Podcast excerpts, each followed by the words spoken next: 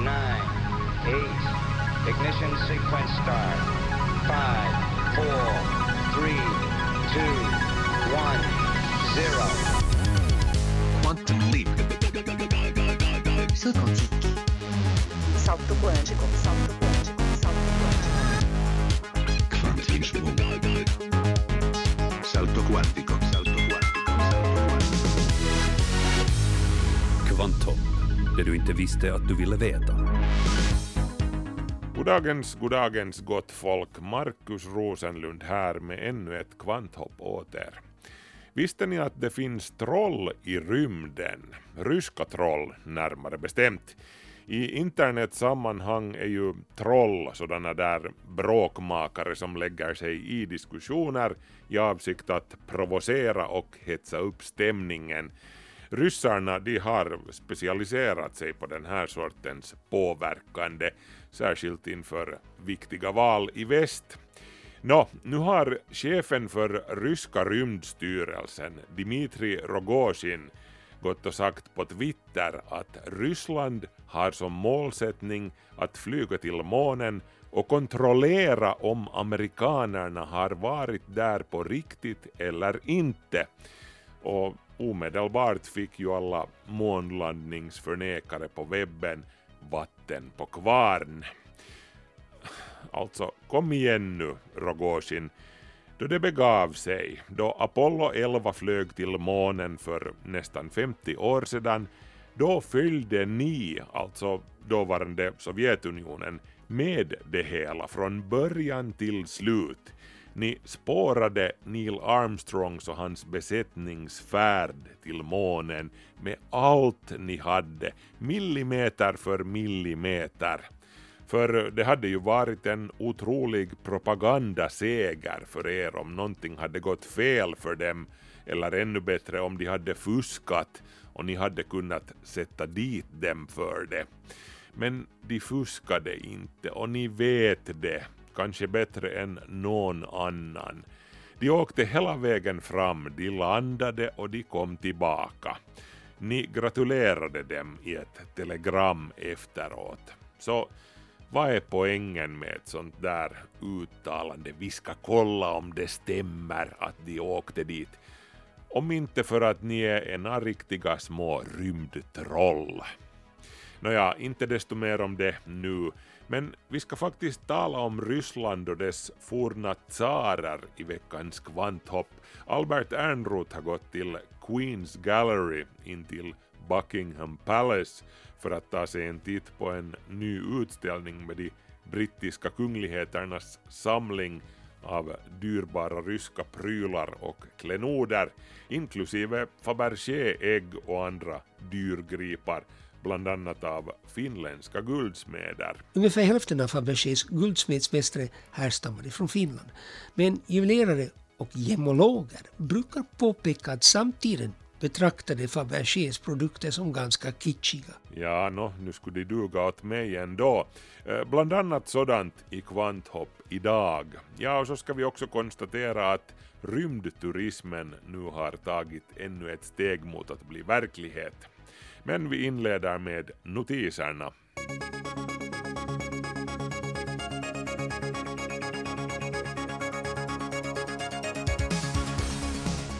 Vi börjar med ett par spännande rymdrelaterade nyheter.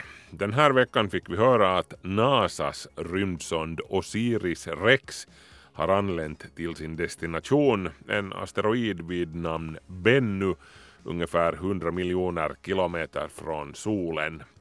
Bennu är lite knappt en halv kilometer tvärs över och döm om NASA-forskarnas förvåning när Osiris Rex nästan omedelbart stötte på vatten på asteroiden.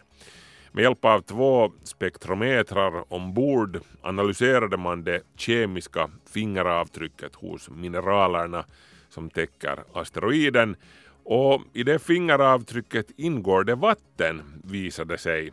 Asteroiden är med andra ord täckt av lera det här betyder att asteroiden i något skede måste ha varit i kontakt med flytande vatten. Det är så som lera uppstår, säger Amy Simon som är ansvarig för Osiris-Rex-sondens spektralanalys.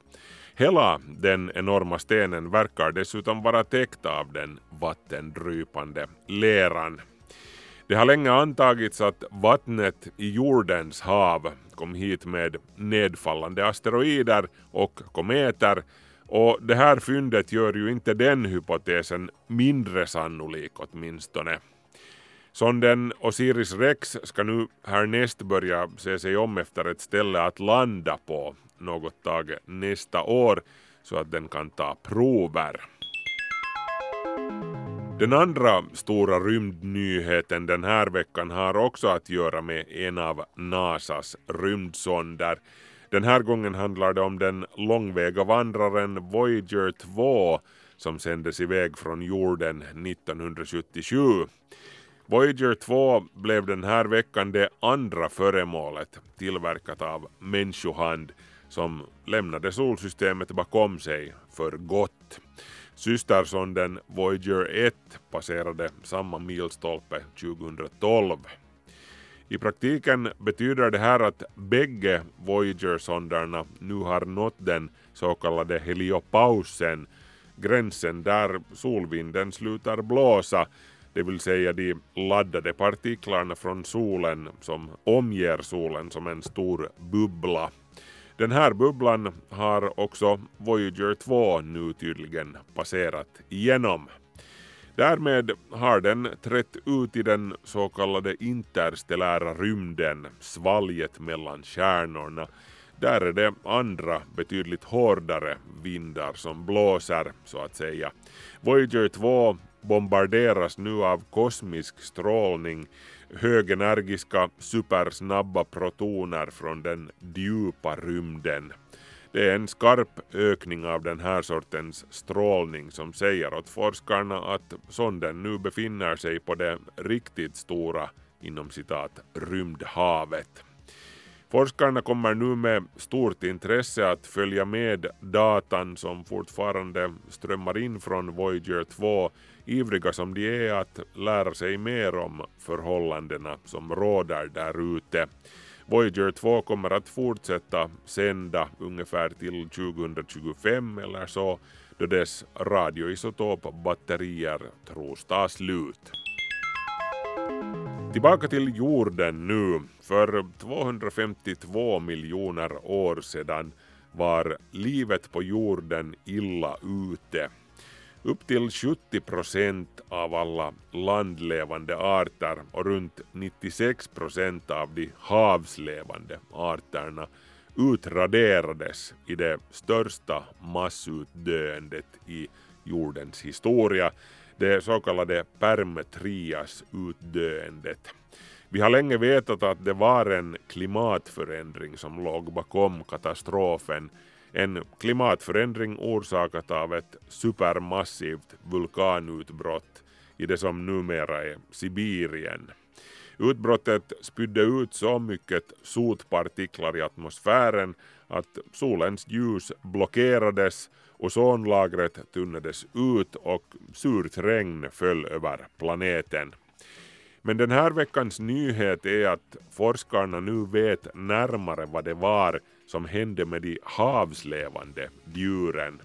Havsdjuren kvävdes till döds då det allt varmare vattnet ökade på deras metabolism och deras behov av syre samtidigt som haven blev allt syrefattigare. Det här är slutsatser som bör oroa även oss i vår egen tid, påpekar forskarna med tanke på att oceanerna också just nu värms upp i rask takt.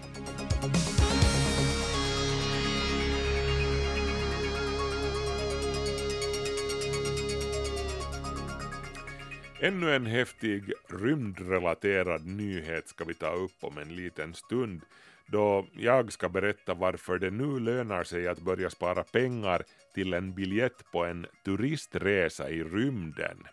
Det ser nu nämligen ut som att det kan bli verklighet rätt så snart. Kvanthopp. Sikta mot stjärnorna.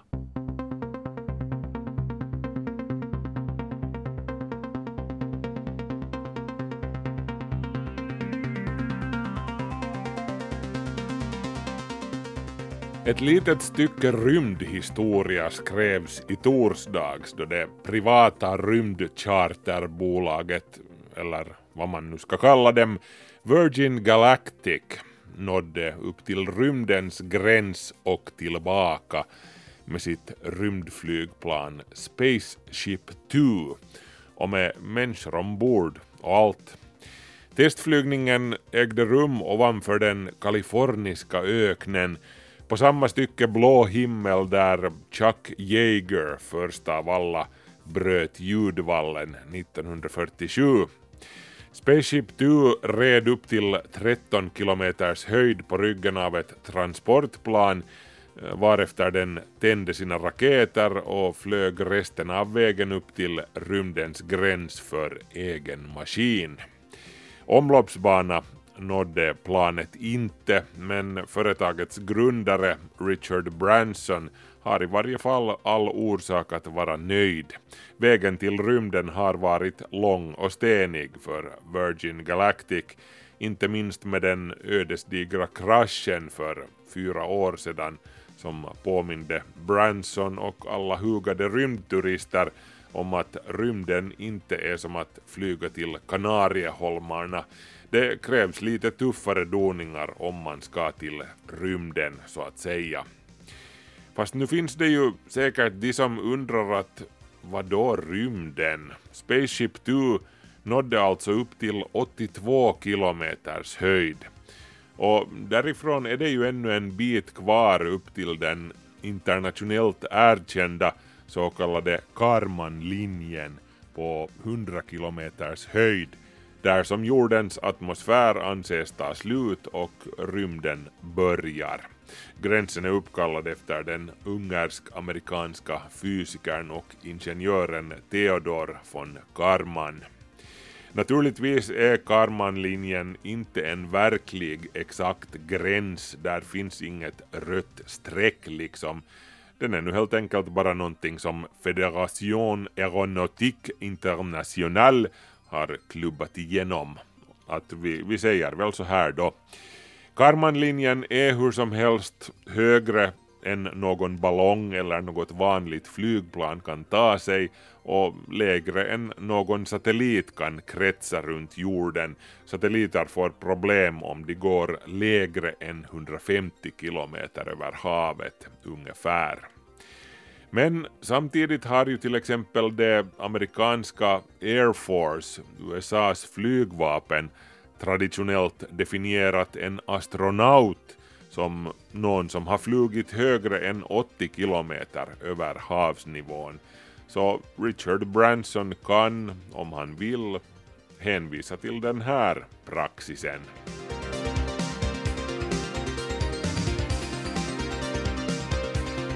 Det kan väl å andra sidan kvitta, för visst var det ju en fin bedrift av Virgin Galactic att nå så pass högt med sitt Spaceship 2 som Richard Branson ju ämnar använda till att frakta turister ut i rymden en vacker dag för det hårresande priset på en kvarts miljon dollars per säte. Också ur en amerikansk synvinkel så var det här något av en milstolpe, även om Branson ju i och för sig är britt, men det här var den första avfyrningen av en rymdfarkost med människor ombord från amerikansk mark sedan den gamla rymdfärjan togs ur bruk 2011. Det är ju inte så lite pinsamt för USA, segraren i månkapplöpningen, att landet inte har kunnat frakta ut sina egna astronauter i rymden med egna raketer sedan dess, utan har tvingats lifta med ryska Sojus-raketer i flera år då de ska upp till internationella rymdstationen. Och liftar med Sojus-raketer gör det ju fortfarande, åtminstone tills SpaceX får fason på sina bemannade Dragon-kapslar och NASA ser till att ta i bruk sina nya SLS-raketer och sin Orion-kapsel. Man ska minnas att Virgin Galactics Spaceship 2 sitt pampiga namn till trots inte är mer än en turistbuss avsedd för korta skutt ovanför atmosfären. Den har aldrig varit menad för någon egentlig vistelse i rymden för flygning i omloppsbana. Vistelsen i rymden är över på ett par minuter. Skulle du betala 250 000 för det korta nöjet? Ärligt talat, jag skulle nog, om jag hade den sortens pengar, vilket jag inte har.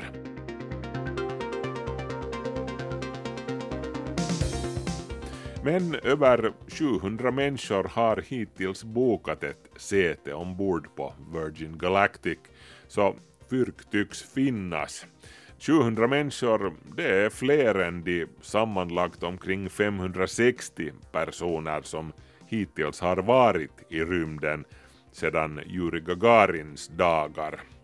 Så man kan ju bara anta att sedan när rymdturismen börjar ta fart så gör den det på allvar. Richard Branson är ju inte den enda som vill börja ordna sällskapsresor till rymden. Till exempel Blue Origin, grundat av Jeff Bezos, har sina egna motsvarande planer. Fast Bases rymdbuss, den startar vertikalt som en vanlig raket, den är inte ett rymdflygplan som Virgin Galactics Spaceship 2. Och Elon Musk då med sitt SpaceX, no, de kommer ju som sagt enligt planerna att börja med bemannade flygningar upp till rymdstationen eventuellt redan nästa år. Så det rör på sig med andra ord. Vi får lov att återkomma till saken senare.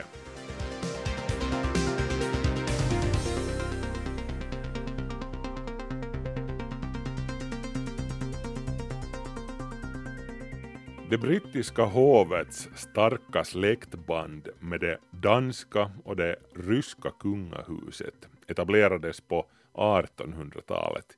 Nikolaj den andre av Ryssland och eh, Georg den femte av Storbritannien de var lika som bär, åtminstone utseendemässigt, vilket berodde på att de var kusiner. Dessutom var drottning Victorias favoritdotterdotter Nikolajs maka och kung Edvard den sjunde av Englands gemål var Nikolajs moster. Hängde ni med? En aktuell utställning på Queens Gallery intill Buckingham Palace i London visar att brittiska kungligheter i flera sekler har samlat på dyrbara ryska prylar, klenoder och målningar. Och eftersom Royal Collection Trust, den kungliga samlingen, äger hela 800 Fabergé-föremål figurerar också många finländska guldsmeder i utställningen Russia, Royalty and the Romanovs. Albert Ernroth rapporterar från St. James Palace där han träffade två chefsintendenter. Of course, we know that many of Babagé's craftsmen came from Finland, including Henrik Wikström, who was the third of the three head workmasters at the firm. And we have a number of pieces made in his workshop. Självklart vet vi att flera av de ledande guldsmedsmästarna som arbetade för Fabergé var finländare, förklarar Caroline de Guiteau som är utställningsintendent för Royal Collection. Hon har sammanställt en stor del av Russia, Art, Royalty and the Romanovs. Alla föremålen som visas i denna magnifika utställning på Queens Gallery intill Buckingham Palace kommer från den kungliga samlingen. Och det är inte så konstigt att det brittiska kungahuset äger många praktfulla ryska porträtt, möbler och konstföremål. Under 1800-talet besökte nämligen en kavalkad av ryska kejsare och tsarevitjar det brittiska hovet, ofta medförande fantastiska gåvor, berättar Stephen Patterson. Alexander I came as emperor. Nicholas I came both as Tsarevich um, and as emperor, and also Alexander II came as Tsarevich and, and later as emperor, as indeed Nicholas II came. So, so there was a, um, a, a steady flow of, of emperors from Alexander I through to mm. the well the 1909 visit of Nicholas II. Stephen Patterson är chefsintendent och även informationschef för Royal Collection. De sista fem ryska kejsarna från Alexander I till Nikolaj II besökte Storbritannien. Mot slutet av 1800-talet knöts även släktbanden mellan det brittiska, ryska och danska kungahuset. Både drottning Victorias mor och make var tyskar och det internationella dynastiska nätverket med drottning Victoria som Europas mormor ledde till att George V, kejsar Wilhelm II av Tyskland och Nikolaj II var kusiner. The British royal family were very much introduced to Fabergé's work by, by their Russian family. Okej, nu måste jag lite reda ut det månggrenade kontinentala släktskapet. Drottning, eller Queen Alexandra, var kung Kristian den nionde av Danmarks dotter och syster Alexander den tredjes maka Dagmar, det vill säga kejsarinnan Maria Fjodorovna. Och denna Queen Alexandra, alltså kung Edvard den sjundes maka, var precis som sin ryska syster förtjust i Fabergé-objekt. Queen Mary became quite an avid collector of Fabergé. She had also bought Fabergé during the lifetime of the company here when she was Duchess of York and as had Drottning V. Alexandras svärdotter, drottning Mary, var en minst lika entusiastisk samlare. och Hon brukade besöka Fabergés butik på Londons Bond Street. När Sovjetunionen på 30-talet sålde bort otroliga konstskatter för att fylla på den tomma statskassan fanns drottning Mary bland budgivarna. Efter revolutionen hamnade också många ryska emigranter i penningknipa och såg sig tvungna att sälja sina dyrgripen. Jag frågar Caroline om majoriteten av drottningens många Fabergé-föremål köptes efter revolutionen.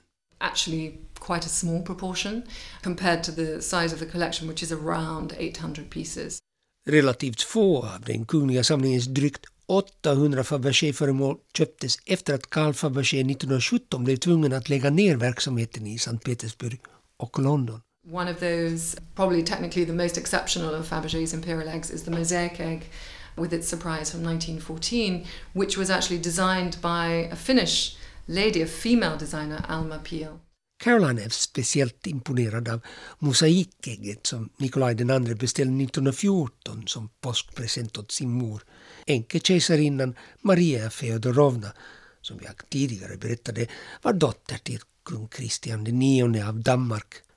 Alma Peel, som arbetade i sin mormor Albert Holmströms ateljé, hade tidigare fått beröm för sitt fabulösa vinterägg och därför fick hon också formge det nya ägget. Alma Peel was inspired by watching her mother-in-law working at her needle point and used this motif and worked it up into a design which eventually would become the focal point of the, the imperial egg for that year. Mosaikäggets dekoration är baserat på ett korsstygnsmönster inspirerat av Alma Piels svärmor som var duktig på petit point och korsstygsteknik. Guld, platina, emalj och tusentals finslipade rubiner, safirer, smaragder, peridoter, diamanter med mera formar äggets ytterhölje. Inuti ägget finns naturligtvis en överraskning. Och i detta fall ett smånätt stativ med en rosa medaljong som i profil skildrar kejsarens fyra döttrar och Tsarevich Alexej. You can see this the strength of those Finnish connections was so fundamental to Fabergé's success because they were the greatest craftsmen that he could possibly take on at the time. And so there's a Scandinavian undercurrent, I think, really, to much of his work. Ungefär hälften av Fabergés guldsmedsmästare härstammade från Finland. Men juvelerare och gemologer brukar påpeka att samtiden betraktade Fabergés produkter som ganska kitschiga. Det svenska juvelerarhuset W.A. Bolin står bland experter högre i kurs när det gäller juvelsmycken. I would argue yes, probably. Um, certainly in terms of fine jewellery, the skills were superb. I think Fabergé probably also, well, definitely made you know wonderful pieces. But I think with Fabergé for his fine jewellery, it was more innovative in terms of its design, not necessarily. Uh, I think the craftsmanship really comes through in the other objects that he made. Hovjuvelerare jewellery åt de fem sista tsarerna. Fabergé kom först med i bilden under Alexander den tredjes tid. Caroline håller med om att Bolins guldsmeder var skickligare på att göra diadembroscher och örhängen med dyrbara ädelstenar i magnifika infattningar. Stenarna i Fabergé-smycken är ofta av lägre kvalitet men firman utmärkte sig genom originell formgivning och var mästare på att tillverka konst och bruksföremål. Drottning Elisabeth har lånat ut till utställningen sitt diamant och pärlprydda så kallade Vladimir-diadem som tillverkades av Bolin för storhertigen Vladimirs maka. The tiara, which belongs to Her Majesty the Queen, she's very generously allowed us to display in the exhibition. And this was purchased by Queen Mary from um, Grand Duchess Vladimir's daughter. It is the most beautiful piece of craftsmanship by the firm of Bolin, as you mentioned. And uh, Bolin, of course, being the Swedish court jewelers, but also were the uh, court jewelers to the Russian imperial family over two centuries. Tiaran hör till drottning Elisabeths favoriter och man kan hitta många bilder där hon bär diademet. År 1994 blev drottning Elisabeth den första brittiska monarken som satte sin fot på rysk mark. Ja, det är ganska förvånande. Både Edvard VII och George V besökte Ryssland på 1800-talet men i båda fall som kronprins, inte som kung. Som vi hörde tidigare kom ryska potentater framförallt under 1800-talet ganska regelbundet på besök i England. Men redan 1698 besökte Piotr Alexejevich Romanov sedermera Peter den store England inom ramen av sitt långa uppehåll i Västeuropa. Han arbetade bland annat på ett varv i Holland och under skeppsbyggeristudierna i Nederländerna fick tsaren en inbjudan av William den tredje av England, var London. The portrait by Scott Nella of Peter, painted while he was here and gifted by the Tsar to uh, William III, really starts the exhibition. Uh, it's that image of Peter as a young Western looking monarch as opposed to an Eastern potentate or the traditional symbols of the Muscovite realm are not visible in that uh, portrait. So he is very much a Western facing monarch, and one could give the impression that he's. Stephen Patterson. Peter beställde ett porträtt av Gottfried Neller och skänkte det åt kung William tredje. Peter är utstyrd i riddarutrustning och hermelinmantel. Han undviker klädsel som förknippas med moskoviter eller österländska potentater Tsarens poäng är att han är en västerländsk monark, inte någon slags österländsk barbar. I utställningen nämns inte ett ord om tsarens och hans följes omåttliga spritkonsumtion som chockerade hans engelska värdar. Nellers ståtliga porträtt har kopierats otaliga gånger. In the exhibition there is a portrait of Alexander I, there are in fact two portraits of Alexander I, uh, one by George Daw, the other by Bowden. Alexander den förste besökte England i samband med de allierades triumf över Napoleon. George den fjärde av Storbritannien gav konstnären Thomas Lawrence i uppdrag att måla alla befälhavare, regenter och diplomater som hade spelat en avgörande roll i segern över Napoleon. Alla dessa porträtt hänger i den specialkonstruerade Waterloo Chamber på Windsor Castle men några ryska generaler och utrikesminister Nesselrode finns med i denna utställning. We have two generals and we have Nesselrode, uh, the foreign minister, and in the center we have the great full-length portrait of uh, Count Platov, the leader of the Ataman of the Cossacks, whose arrival in London uh, caused a bit of a stir, and we know he was painted by Lawrence in his atelier in, in London. Kosackernas befälhavare Matvej Platov, som poserar med sin häst, skildras som en slug och dynamisk hjälte. Målningen är i klass med Velázquez och Anthony van Dijks kungaporträtt. Medan Thomas Lawrence målade den populära Atamannen höll några beridna kosacker vakt utanför ateljén i London. Nikolaj den förste skickade efter sitt besök åt drottning Victoria ett porträtt i helfigur iklädd det kejserliga livgardets tajta röda uniform. Drottningen blev mycket imponerad av den ståtliga tsarens fysik. He's still very handsome, very tall, with a very fine figure and a beautiful Grecian profile. Mindre populär blev kejsaren när Krimkriget bröt ut 1853. Storbritannien och Frankrike ingrep militärt när Rysslands expansionsplaner hotade Osmanska riket, Mellanöstern och Donau-furstendömena. Clearly, the Crimea was a very difficult period in, in the relationship, and of course, came about because of Russian expansion into the Ottoman Empire. Efter Krimkriget förblev relationerna mellan Ryssland och Storbritannien en längre tid spända, men 1874 gifte drottning Victorias son Alfred sig med storfurstinnan Maria Alexandrovna, dotter till Alexander II och Marie von Hessen.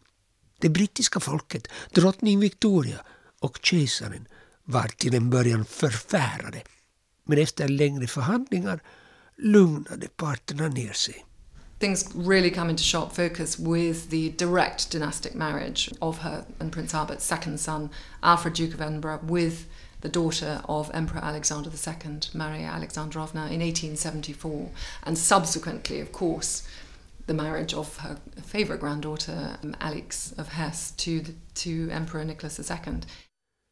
När Alexandra av Hessen, drottning Victorias favoritbarnbarn 1894 gifte sig med den nyblivne kejsaren Nikolaj II intensifierades släktbanden till det yttersta. Alexandras syster var redan gift med den impopuläre storfursten Sergej. Dessutom var kronprinsen Bertie, sedermera kung Edvard VII, gift med Nikolajs moster. Och därför var Nikolaj och den blivande kungen, George V, kusiner. Morfars faster och farfars mosters son Svärmors farfar, morfars fars kusin Och så farmors mormors morfars farfars svåger I gula kammaren Kusinerna Nikolaj och George, som 1910 efterträdde sin far Edvard VII, var utseendemässigt lika som bär och de blev goda vänner. De korresponderade med varandra på engelska och träffades under årens lopp flera gånger i England, Ryssland, Danmark och den sista gången i maj 1913 i Tyskland där kusin Wilhelm, kejsaren, tog emot dem. 14 månader senare var Storbritannien och Ryssland Tysklands värsta fienden. Nikolaj var en enväldig autokrat med praktiskt taget oinskränkt makt medan George var raka motsatsen han var en konstitutionell monark med ytterst begränsade befogenheter. Naturligtvis blev saker inte bättre av att Nikolaj var en svag och obeslutsam politiker och militär. När Ryssland störtades ner i ohjälplig anarki befann sig Nikolaj, som hade utnämnt sig själv till överbefälhavare, i högkvarteret vid fronten. Hans generaler rådde honom att abdikera, vilket han till slut gjorde. Den provisoriska regeringens chef, Kerensky, var beredd att skicka honom till England. Kejsar Wilhelm erbjöd trygg lejd genom Tyskland. Storbritanniens regering var i princip villig att ge tsaren asyl. Men hur tänkte kungen? Ja, det får vi inte veta i denna utställning. I hans dagbok hittar man enligt Stephen Patterson inte några svar. Difficult decisions had to be made over family issues and hindsight is, is a wonderful thing. Nobody knew that a second revolution was coming and nobody knew what would happen in Yekaterinburg. Visst, det stämmer att ingen visste att kejsarfamiljen skulle mördas i Jekaterinburg.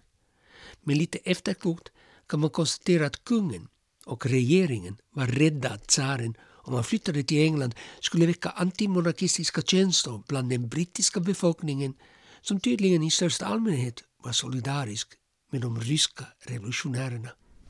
Or that is slightly forgotten is that the revolution was welcomed by absolutely everybody in Britain and those we were fighting with as allies. The, the governmental statement was that the revolution was one of the best things that had come out of the war. Kungen skyllde allt på bolsjevikerna. När det kom till kritan var det allra viktigaste att bevara monarkin. Visst, George lämnade tämligen hjärtlöst sin kusin i sticket. Men huset Windsor, som den brittiska kungafamiljens släktnamn ändrades till 1917, var efter kriget en av de få kungahusen som inte hade störtats. Halva morfars farmors mormors marmorbyst Hela släkten har slitit samma kort Undra på att den satt sig som den gjort Dock jag tänker med tår i ögonvrån här ska en gång bo min egen son, son, son, sons lille son när hans farfars farfars far har flyttat från. Utställningen Russia, Royalty and the Romanovs pågår fram till den 28 april 2019. För drygt en månad sedan rapporterade ju Albert om The Last Tsar-utställningen på Science Museum i London som handlar om mordet på kejsarfamiljen. Det programmet finns på Yle Arenan om ni råkade missa det. Och inslaget som ni hörde nyss, det var ju också Albert Ernroth som var reporter i det. Kvanthopp, det du inte visste att du ville veta. Nu ska det handla om reklam och smygreklam på sociala medier. En person med relativt få följare på sociala medier är inom citat mer äkta än en som har massvis med följare och kan därför sprida kommersiella budskap extra effektivt. Den här insikten har reklambranschen kommit fram till under den senaste tiden och de anlitar därför allt oftare små aktörer. Men samtidigt råder det förvirring kring vad som egentligen är ett kommersiellt samarbete och hur det ska märkas. Konsekvensen blir att publiken i många fall kan ha svårt att veta vad som är reklam och vad som inte är det. Milja Nieminen är en 22-årig studerande i Helsingfors och samtidigt en influerare, eller influencer som det också kallas, med ett eget Instagramkonto.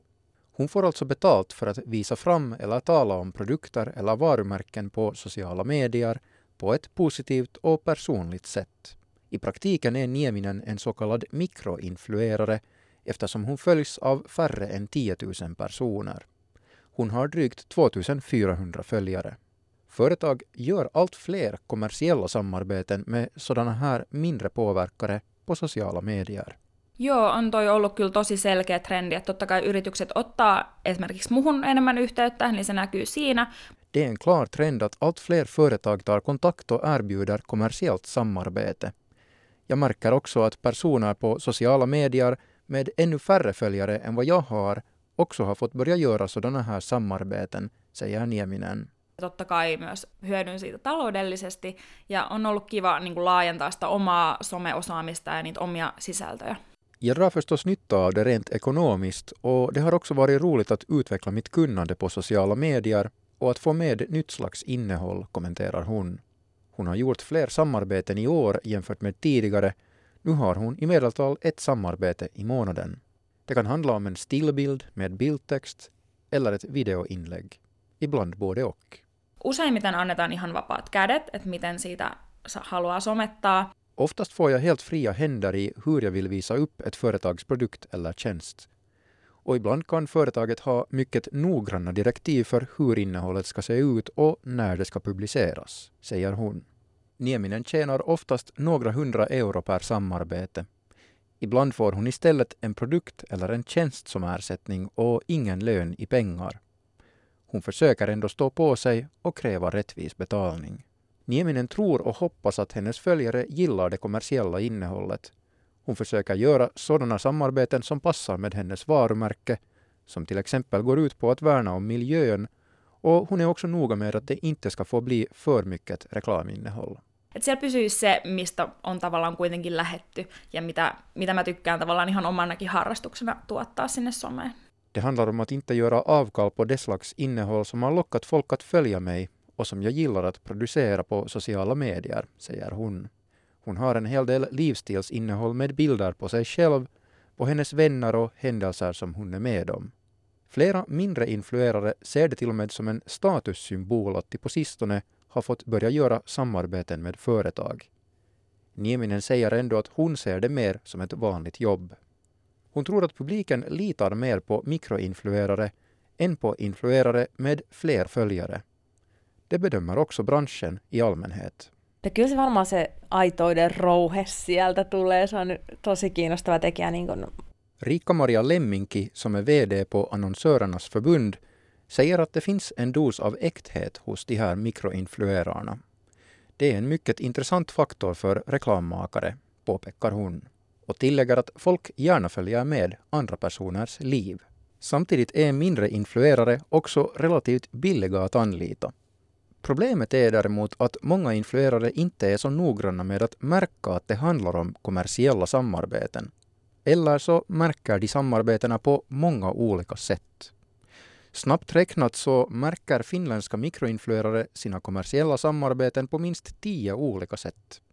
Till exempel genom att inkludera ordet tillsammans eller företaget X utmanade mig och i flera fall låter influerare bli att märka sina kommersiella samarbeten helt och hållet.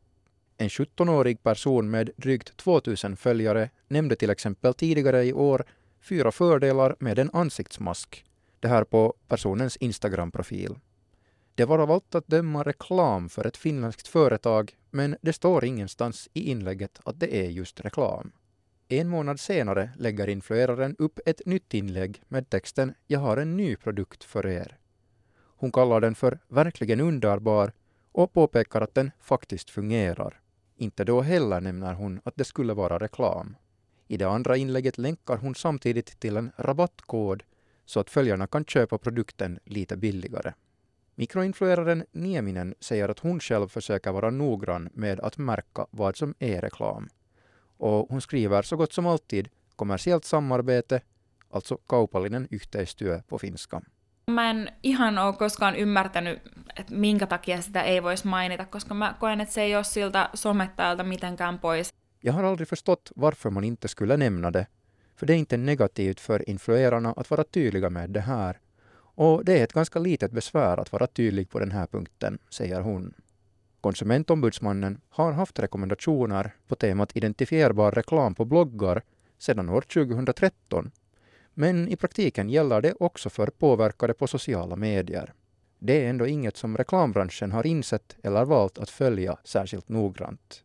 Kristina Vainio som är jurist på Konkurrens och konsumentverket säger att hon har svårt att förstå hur det har kunnat bli så här.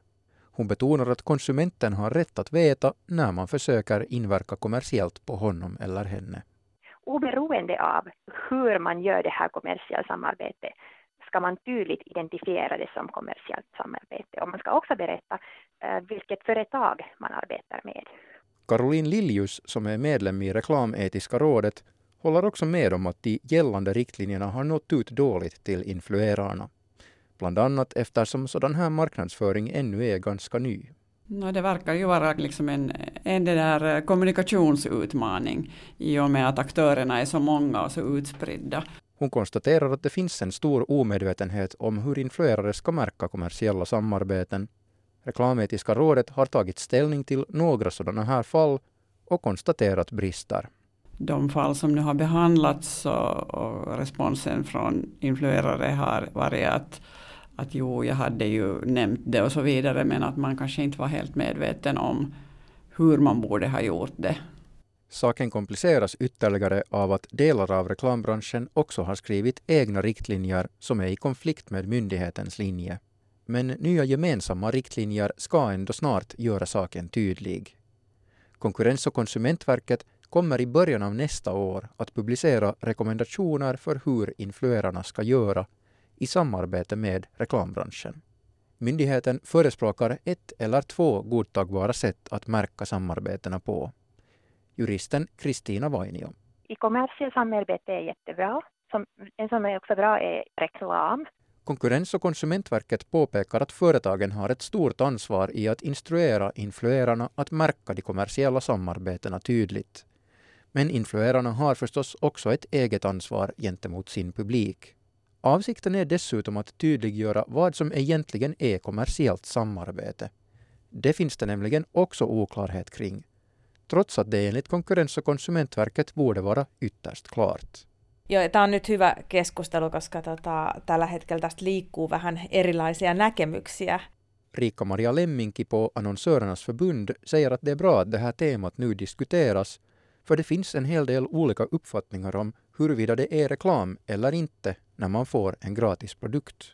Konkurrens och konsumentverket säger att om ett företag ger en influerare en vara eller tjänst gratis så är det entydigt ett kommersiellt samarbete. Samma sak gäller när en influerare får i uppdrag att länka till ett företags webbplats, till exempel i en uppdatering på Instagram. Då är det också samarbete, liksom kommersiellt samarbete. Och det, det borde nämnas, eller tydligen liksom identifieras, liksom en reklam. Ett knepigt fall är däremot om en influerare självmant berättar om ett företags produkter. Det är troligen inte kommersiellt samarbete eller reklam i Finland. Men i Tyskland har man resonerat annorlunda. En domstol i Berlin dömde i somras en influerare med 50 000 följare till böter för att hon på eget initiativ skrev om ett företags produkter utan att märka inläggen som reklam. Flera tyska influerare har efter det här börjat använda hashtaggen unpaid, alltså obetald, för att göra det klart att vissa inlägg inte är reklam. Mikroinflueraren Milja Nieminen har ändå redan nu klart för sig vad som gäller här i Finland när det gäller kommersiella samarbeten. Hon vill öka antalet följare på sitt Instagramkonto för att kunna få ännu mer inkomster. Mutta itse en tähtää, tähtää siihen tällä hetkellä, että tämä olisi mun ainoa työ, että vähän liian monet muutkin ammattipolut kiinnostaa siinä sivussa. Men jag siktar inte på att ha det här som mitt enda jobb. Det finns också många andra yrkesval som intresserar mig, säger hon. Det var Niklas Fagerström som var reporter i det inslaget. Och det var det. Jag, det vill säga Markus Rosenlund, tackar för sällskapet och säger på återhörande om en vecka. Hej så länge!